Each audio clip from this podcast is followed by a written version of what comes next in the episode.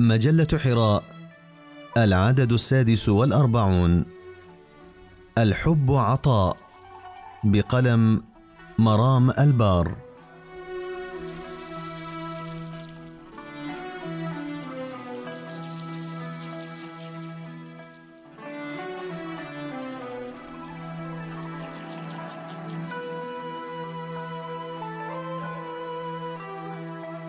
في بقعة من الأرض جوادة بالخير والبركات حيث تتمتم شفاه السماء بالرحمة وتشع عيونها الزرقاء بالسلام وحيث العصافير متكئة على أذرع الأشجار ترسل زغاردها وترانيمها وبهجتها للحياة وقفت الأم ترقب ابنها وهو يلهو حولها بطائرته الورقية الملونة.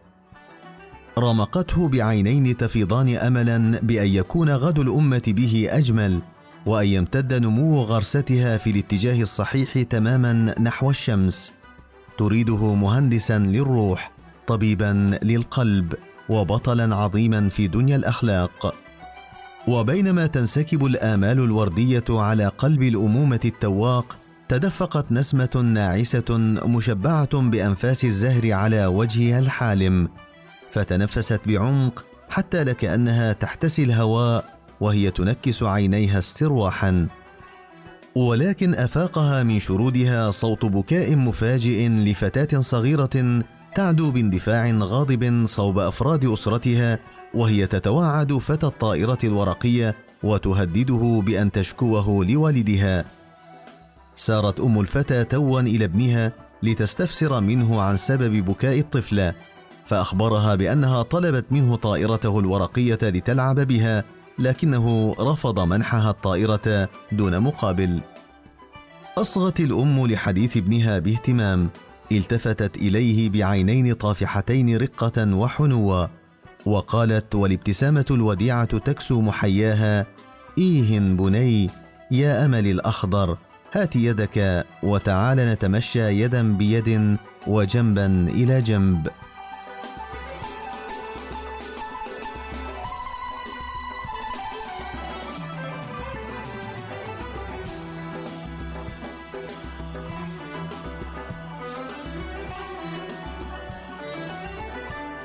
كم أشتاق أن نحلق معا على بساط التأمل السحري نتتلمذ سوية في مدرسة الطبيعة.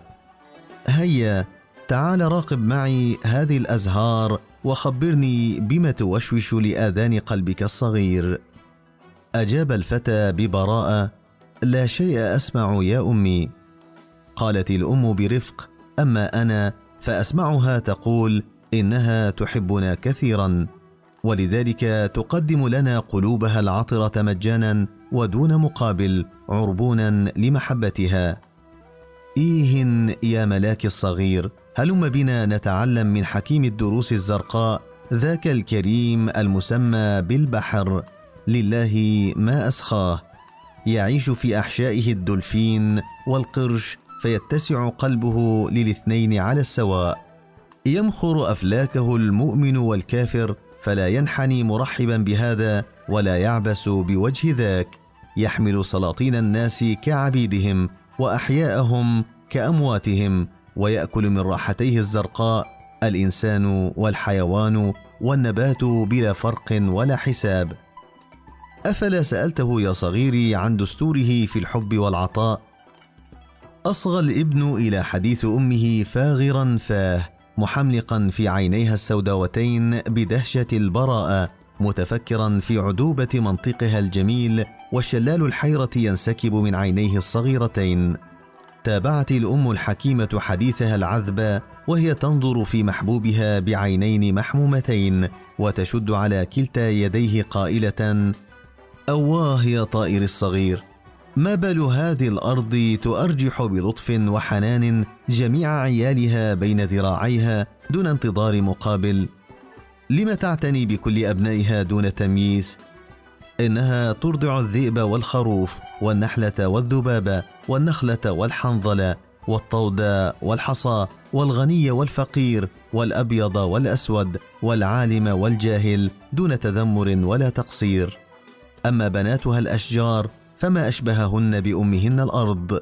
لهف قلبي عليهن فاتنات الحسن أميرات الجمال.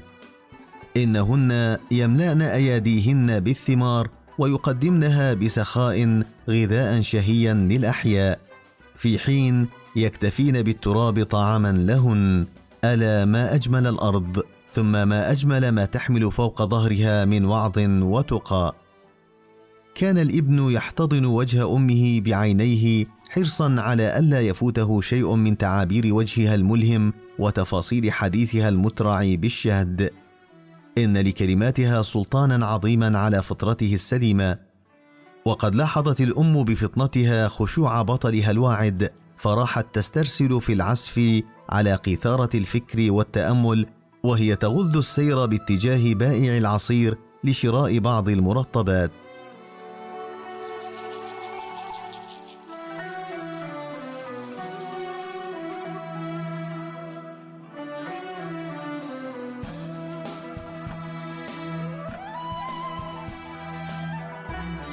وما إن جلس على مقعد الحديقة وارتشف بضع قطرات من عصير الفراولة حتى أسدلت الأم أجفانها وبابتسامة ساخنة وعاطفة متدفقة تابعت البوح الجميل.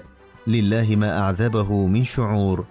أحسست يا فلده كبدي وأنا أشرب هذه القطرات بأني أدخلت الحياة بأسرها إلى جوفي. فكل ما في مصنع الحياة قد تعاون لإعداد هذا الكوب الصغير من عصير الفراولة الأيادي التي بذرت والتربة التي احتضنت والسحب التي أمطرت فأنبتت والريح التي ساقت السحاب لسقيا الأرض. بل إن هذا الغمام المحمل بالطهر والبركة والعذوبه ما هو في الحقيقة إلا ثمرة قران أشعة الشمس اللافحه بمياه البحر المالحة. إنه الإبن الشرعي للشمس والبحر. لذا كان سخيا كريما معطاء كوالديه. إنها لعمري مدرسة عظيمة وعائلة كريمة ومستودع عجيب.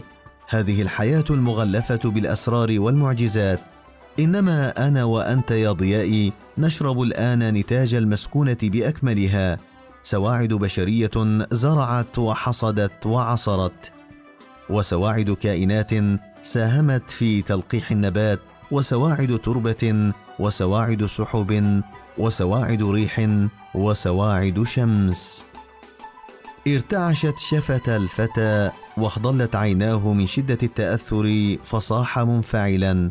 أما رويدك رفقا بقلب الصغير فلقد تنفست هذا اليوم حتى تشبعت رئتاي جمالا وعطرا. بوركت من أم مؤمنة حكيمة في كلماتها الشفاء والعافية.